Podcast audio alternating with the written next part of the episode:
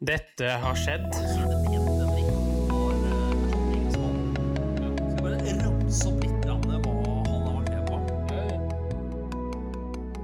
Generation X versus Z. Sandberg Productions presenterer Den ekte samtalen om og med generasjon X og Z. Hold deg fast og nyt.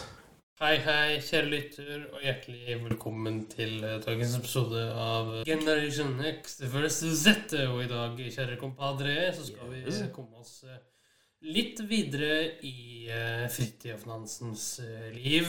og vi stoppa jo i år 1923, hvor han og Vidkun, da, hvor de to var i Kharkiv, det som i dag er Ukraina, og bedrev humanitærhjelp. Ja da, og det er jo det som er litt sånn paradoks her. Vi vet også Quislings uh, domene i ettertid. Ja, Men- det her, da, for å sette det i et perspektiv. Absolutt. Men visste du, Henrik, at uh, faren til uh, han Nansen var jurist? Ja, ikke sant. Ja. Moren var vel kunstner, var han ikke det? Ja, eller ja, faren hennes var baron. Baron Christian Wedell Jarlsberg. Hørt om Jarlsberg? Ja, osten. Ja da. Den kjære Fridtjof Nansen, han var av adelig slekt. Ja. Det at han var adelig, bidro selvfølgelig også til at han ble en diplomat av høyere rang, da. Ja. Men eh, Henrik, eh, det er én ting som forundrer meg litt. grann. ja. Han Fridtjof Nansen han er jo eh, jeg skal si for noe, Han eh, er en av de få som kommer gjennom nåløyet av det å være en helt i Norge. ja. Men eh, det er et spørsmål til deg, og så er det et spørsmål til, eh, til lytterne. Fordi det er én til som også har fått Nobel fredspris, som er norsk. Vet du om det er? Ja, Nevnte du ikke det forrige uke, da? At det var Christian Lange? Gjorde jeg det, ja? Ja. Men han, altså det vi skal gå gjennom da, Henrik, det er han som unionsoppløser og som diplomat. Ja, eh, Han som unionsoppløser, det har vi jo skrapt litt. Ja. Men vi kan jo skrape litt til. Ja, for eh, vi husker jo første julet da, hvor vi skrapte uh, flakslodd. Skrapte vi litt, altså den øverste delen. Der vant vi ikke en skitt, men så skrapte vi eh, litt til. Og plutselig så vant vi 10 000. Ja. 10 000 norske kroner der, altså. Ja da, eh, kommer godt med i disse tider, så eh, hurra, hurra. Så vi skraper litt til med, med også Nansen. Ja, eh, Det er jo en, et isfjell av en mann, eh, dette her. Så vi må jo bare skrape Ja. til det er eh, smelta. Ja, det er så mye å ta, du. Det er så mye å, å bli forundret over. Han, han klarte det. Men det er noen mennesker, Henrik, som både har både flaks Ja. Det må man ha. Men eh, som har en drive, og som er så energisk og så kompromissløs i enkelte situasjoner, også med seg selv. Så de klarer det utroligste gang på gang. Og Nansen er en av dem. Ja, omstendighetene var jo lagt til rette for at man skulle kunne gjøre det òg. Ja da. Men eh, det han gjorde før 1905, Henrik, eh, kommer hjem da fra sine, ja, kalle det arktiske eh, ekspedisjoner. Ja. Han er jo nå en verdensberømt person. I tillegg til det så er han en fabelaktig foredragsholder og taler. Han blir brukt av norske styresmakter slik at han kan foreta foredragsturné innenlands som utenlands. Hvor forståelse av unionsoppløsningen vil være det naturlige, er hans store, store utgangspunkt. Eh, Men visste du, Henrik, at han var i førsten republikaner? ja. Du visste det? Ja, jeg har eh, prøvd å lese meg opp litt. Ja. Eh, han ville ikke ha noe konge, han. Jeg skjønner han også, men jeg skjønner også de som ville ha en konge. Ja.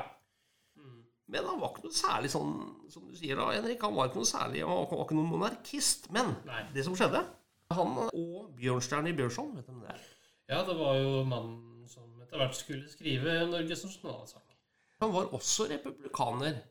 Eh, De to gutta, da, han Fridtjof og han Bjørnstjerne, Mm, ja. de prata mye sammen, vet du.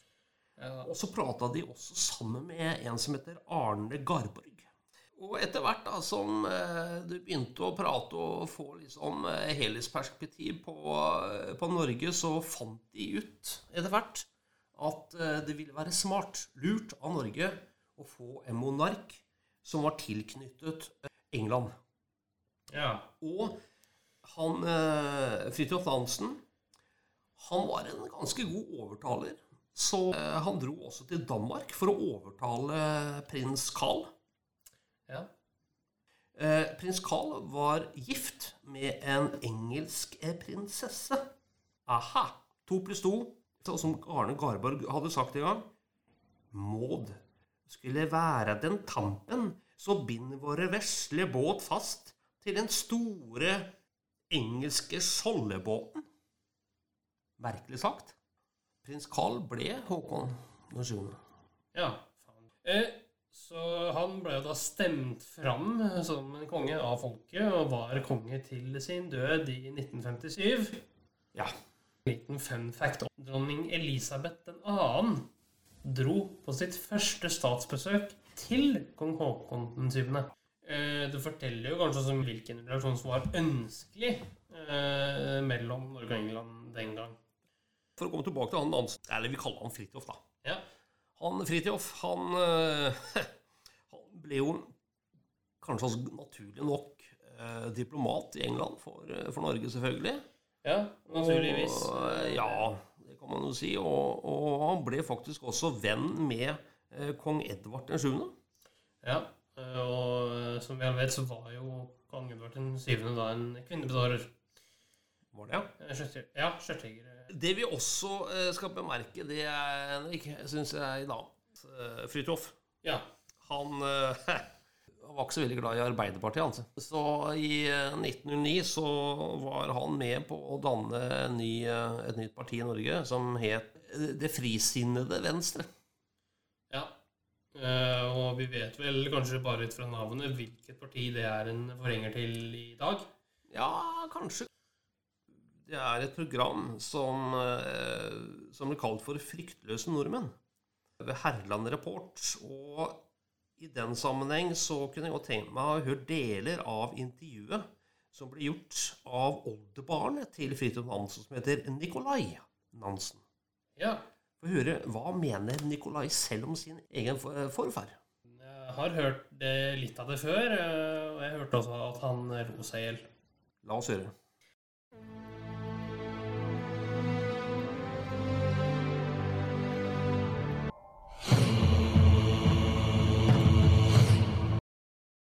Nikolai Nansen, det er en stor glede å ha deg her. Du er oldebarnet til en av de moderne Norges store helter, nemlig Fridtjof Nansen.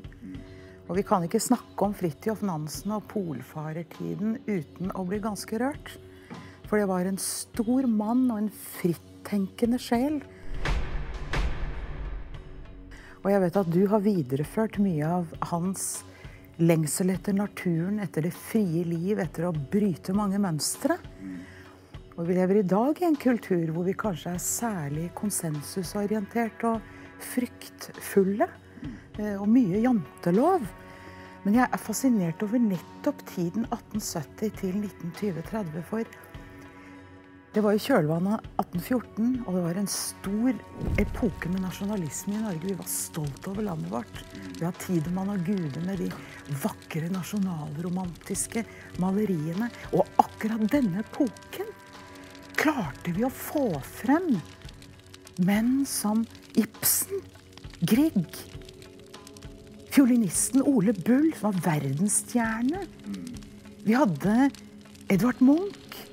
Og vi hadde altså den store polfarertiden med både Amundsen og Nansen. Kan du fortelle litt om hvem denne mannen var? Norge er jo som du sier eh, et fritt land og, og bygget nasjon den gangen. Og da trengte jo eh, landet helter, og, og Fridtjof Nansen var på mange måter eh, riktig mann til riktig tid. Med både hans studier, hans professorat, turen over Grønland som var litt banebrytende i sin tid, og, og senere andre fremmekspedisjoner. Og med Amundsen i kjølvannet.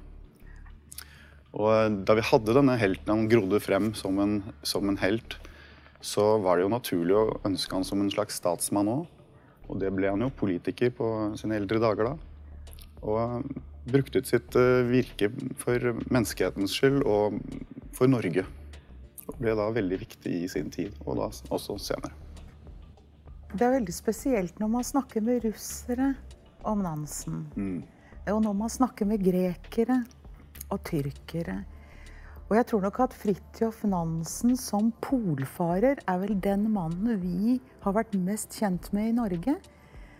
Men det er påfallende hvilket arbeid han gjorde, både under Folkeforbundets tid og hjelp for flyktninger etter første verdenskrig, f.eks. Snakker man om Fridtjof Nansen til russere, så begynner de nesten å gråte. Så mange ganger får jeg en følelse av at utlendinger hyller Nansen mer enn vi gjør her, her i Norge. Han har jo gjort veldig mye for veldig mange der ute med dette Nansen-passet bl.a. Og for repatrieringen av krigsfanger etter eh, første verdenskrig og armenerne etter eh, dette med Tyrkia. Det har betydd enormt mye for veldig mange der ute. Så, det, så han er jo kanskje større ute enn det han er hjemme. Altså. Han blir jo ikke profet i eget land, er det ikke det man sier? Han var jo en selvstendig sjel som tidlig begynte sin karriere med interesse for ishavene. Og jeg har lest at en professor Collett ved Universitetet i Oslo ble banebrytende for livet hans fordi han sa Bryt alle lenker, fritt oversatt. Bryt alle lenker og reis opp til Arktis og opplev det selv. Ja, Som selfanger så var han med en båt som het Jason på um, kysten av Grønland og skjøt sel. Og da fikk han jo denne iveren etter å oppsøke Grønland og foreta denne ekspedisjonen. Og han levde jo mye etter strategien, en motets strategi. Det får briste eller bære. Og I Grønlands tilfelle så ble jo da snakk om vestkysten eller døden. Enten så klarte han å krysse Grønland, eller så døde de. For det var jo ikke noen retrettmulighet. Det var sivilisasjon da på andre siden, men ikke der de dro fra. Jeg leste om denne ekspedisjonen i 1888. Da tror jeg han akkurat også hadde tatt doktorgraden. Og jeg har lest at da står det at når de kom i land vest på Grønland, så beordret han dem til å brenne båtene. Slik at det ikke skulle være noe retrett. Hva slags mot er dette, altså? Ja, det var, eh, det var en strategi som, eh, som satte dem på prøve. Men det sier jo også noe om hva han trodde på. Og at han trodde på sine teorier, og de var velfundert. Og um, han gjorde gode forberedelser. Og derfor tror jeg han tillot seg å ha en slik strategi. Og slik føler jeg at han levde eh, store deler av sitt liv, altså nærmest kompromissløst. Han, han gikk for det han trodde på, og sto for det. Og fikk jo til nesten alt han foretok seg. På denne tiden hadde de vel heller ikke kart. Altså, dette var virkelig fortidens vikinger på mange måter. Jeg syns at noe av den ånden representerer det. De dro ut i isødet med fare for livet. Og oppholdt seg i naturen og skjøt bjørner og hva det var de spiste. Og gravde seg ned i huler. Ja, det er et fantastisk mot de har vist i det å ta, ta skrittet ut og vekk fra båten for å, for å nå Nordpolen. To mann, Hansen og Johansen, og hvorpå de da kommer til 86 grader 14 og eh, velger å snu og kommer da ned til Frans Josefs land. Og da har de jo bare disse kajakkene sine, som er trukket med huder. da. Og så viste det seg at planen deres var å seile disse kajakkene til fastlandet ned mot Russland. Og stoppe på en øy som de mente tidligere ekspedisjon hadde kommet over. Og viste seg at denne øyen eksisterte ikke. Så hadde de forlatt Frans Josefs land, så hadde de nesten helt sikkert ikke klart seg. Så det er jo selvfølgelig mye flaks også. Men eh, ja, helt klart et ufattelig mot på, på den gode gamle gjengen der. Og, og de var ikke dus med hverandre. Jeg har hørt at eh, de snakket til hverandre i de-form i flere måneder før de Det står så i bøkene. Så ble de vel eh, dus etter hvert. Ja. Og de tilbrakte altså månedsvis, trodde de måtte overvintre et sted. ja, det var fra Frans Josef land. Der overvintret de, bygget de seg en steinhytte, og så slang de hvalross og isbjørnhud som tak med steiner. Og så levde de da av, eh, av det de klarte å skyte og fange. På I Europa på denne tiden så var det jo en stort eh, kulturelt oppsving på mange måter. Man hadde eh, folk som reiste helt til Afrika. David Livingston og Henry Morton Stanley. Eh, for å eh, eksplorere og finne ut og lage kart, i grunnen. Altså, man hadde ikke kart, man hadde ikke oversikt over det indre Afrika, f.eks. Så jeg tenker at kanskje det var noe i denne fasen her hvor noe av det største man kunne være, var å være en eventyrer eh, som elsket det frie liv. Her er det noen endringer til samfunnet, slik det er blitt i dag. Ja, du kan jo si at Fordelen de hadde da, at det var jo så mye som du sier, som ikke var kartlagt av kloden vår. Og Samtidig så hadde disse store heltene som Marco Polo, og Magellan og Vasco da Gama og alle disse du nevner òg. Så, det er klart det å være førstemann på de eh, umarkerte flekkene på kartet, det, det var uh, høythengende. Du har to ganger gått over Grønland på ski, på samme måte som i fotsporene til din oldefar. Kan du fortelle litt om naturopplevelsene rundt dette? Hva slags sted er Grønland? Hvorfor er folk så fascinert av polene? Hvorfor er det så spennende akkurat dette med den råe, harde, maskuline naturen? Det som slo meg, er jo frodigheten langs kysten av Grønland. Og når man kommer da oppover, eh, oppover breen til slutt, så er det jo bare hvitt. Det er jo bare en stor isbre. Men det fantastiske er jo disse altså Når blånen og fjellene kommer til syne på andre siden, og man får disse kontrastene i blåfargene, og, og det er fantastisk vakkert. Og man blir jo slått av det. Og, og jeg tror at kontrasten i det vakre og samtidig dette så utilgivelige landskapet, dette golde der hvor ingenting gror at For meg så var det jo en Det er kanskje ikke så spektakulært å gå over Grønland lenger, men for meg så var det jo veldig stort. Det var en slags manndomsprøve. Det var jo spennende, det var jo eventyr. Eh, nå hadde jo vi riktignok eh, nødpeilesender eh, med oss om noe skulle gå galt, men likevel så føler du at du er jo, du er jo overlatt til naturen og, og blir nødt til å klare deg på egen hånd. Og fungere. Og man lærer jo masse, ikke bare om seg selv og hva man er kapabel til rent fysisk, men også psykisk. Og um, man oppdager vel kanskje at man tar mye for gitt i hverdagen. Så veldig lærerikt på veldig mange måter. Kanskje noe av det største ved Nansen var hans engasjement for sine medmennesker. Det er påfallende når han kom tilbake 1889 og seilte opp eh, Oslofjorden, så sto jo hele folket der. Og det er jo nærmest antydet at hadde det ikke vært for at vi i 1905 valgte monarkiet, mm. så hadde Nansen, Fridtjof Nansen vært en naturlig president. Første president i, i, i det frie landet Norge i kjølvannet av 1905. Men han ønsket altså ikke det.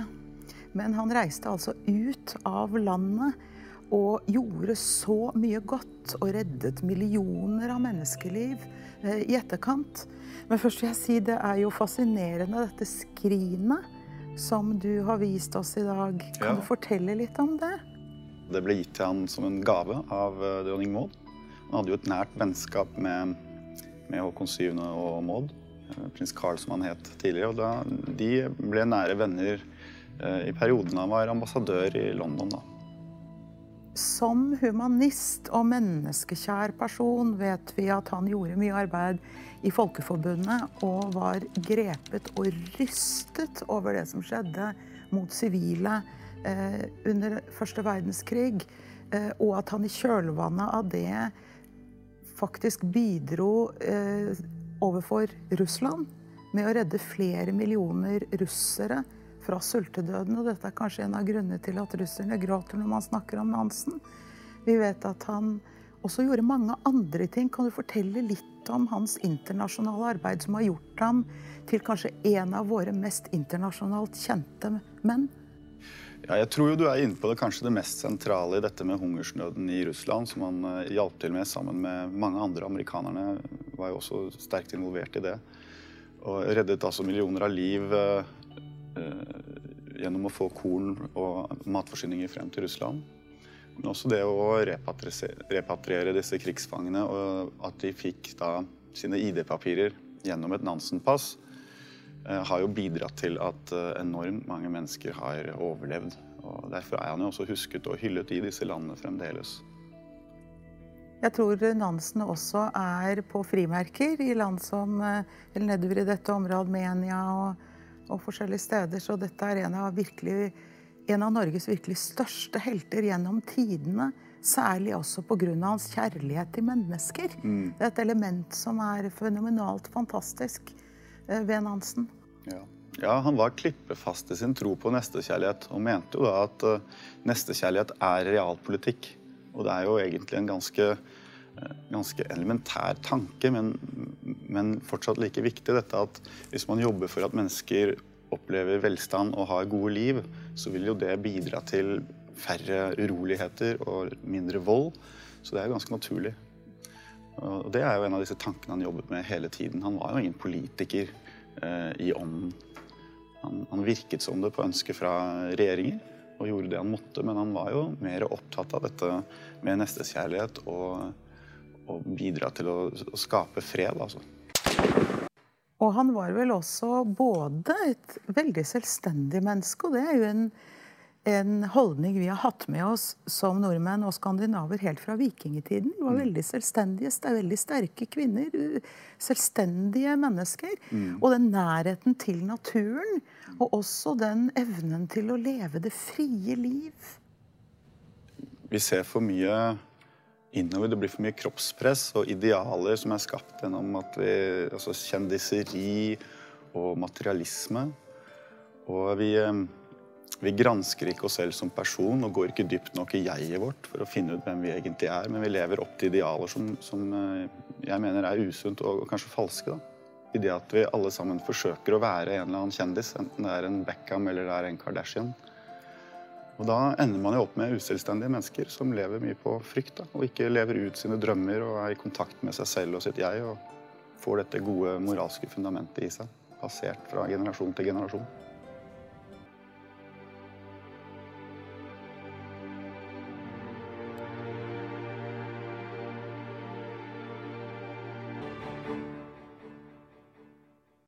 Ja, det var oldebarnet, Henrik. Ja, det var oldebarnet, ja, til uh, vår venn Fridtjof. Ja, det er greit å få et, sånn, et annet synspunkt enn bare oss sjæl. Ja, og de kildene som vi har uh, brukt. Men det som jeg syns er kult, da, som jeg har lyst til å avslutte med, Henrik, vet du hva det er? Nei.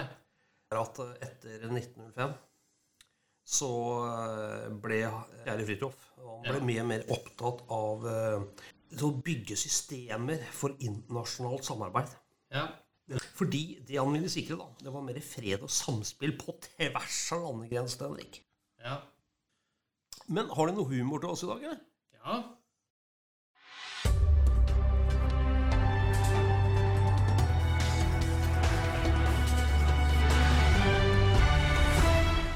NRK-hjørnet.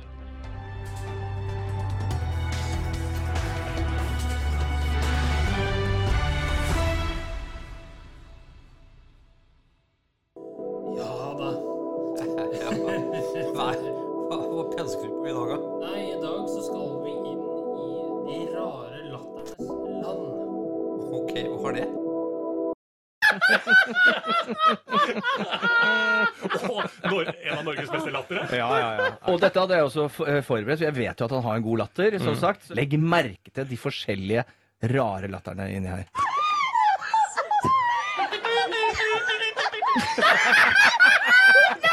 Den er god.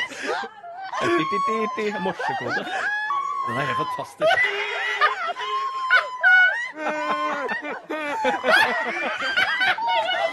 Og så får de Jørgen sin opp.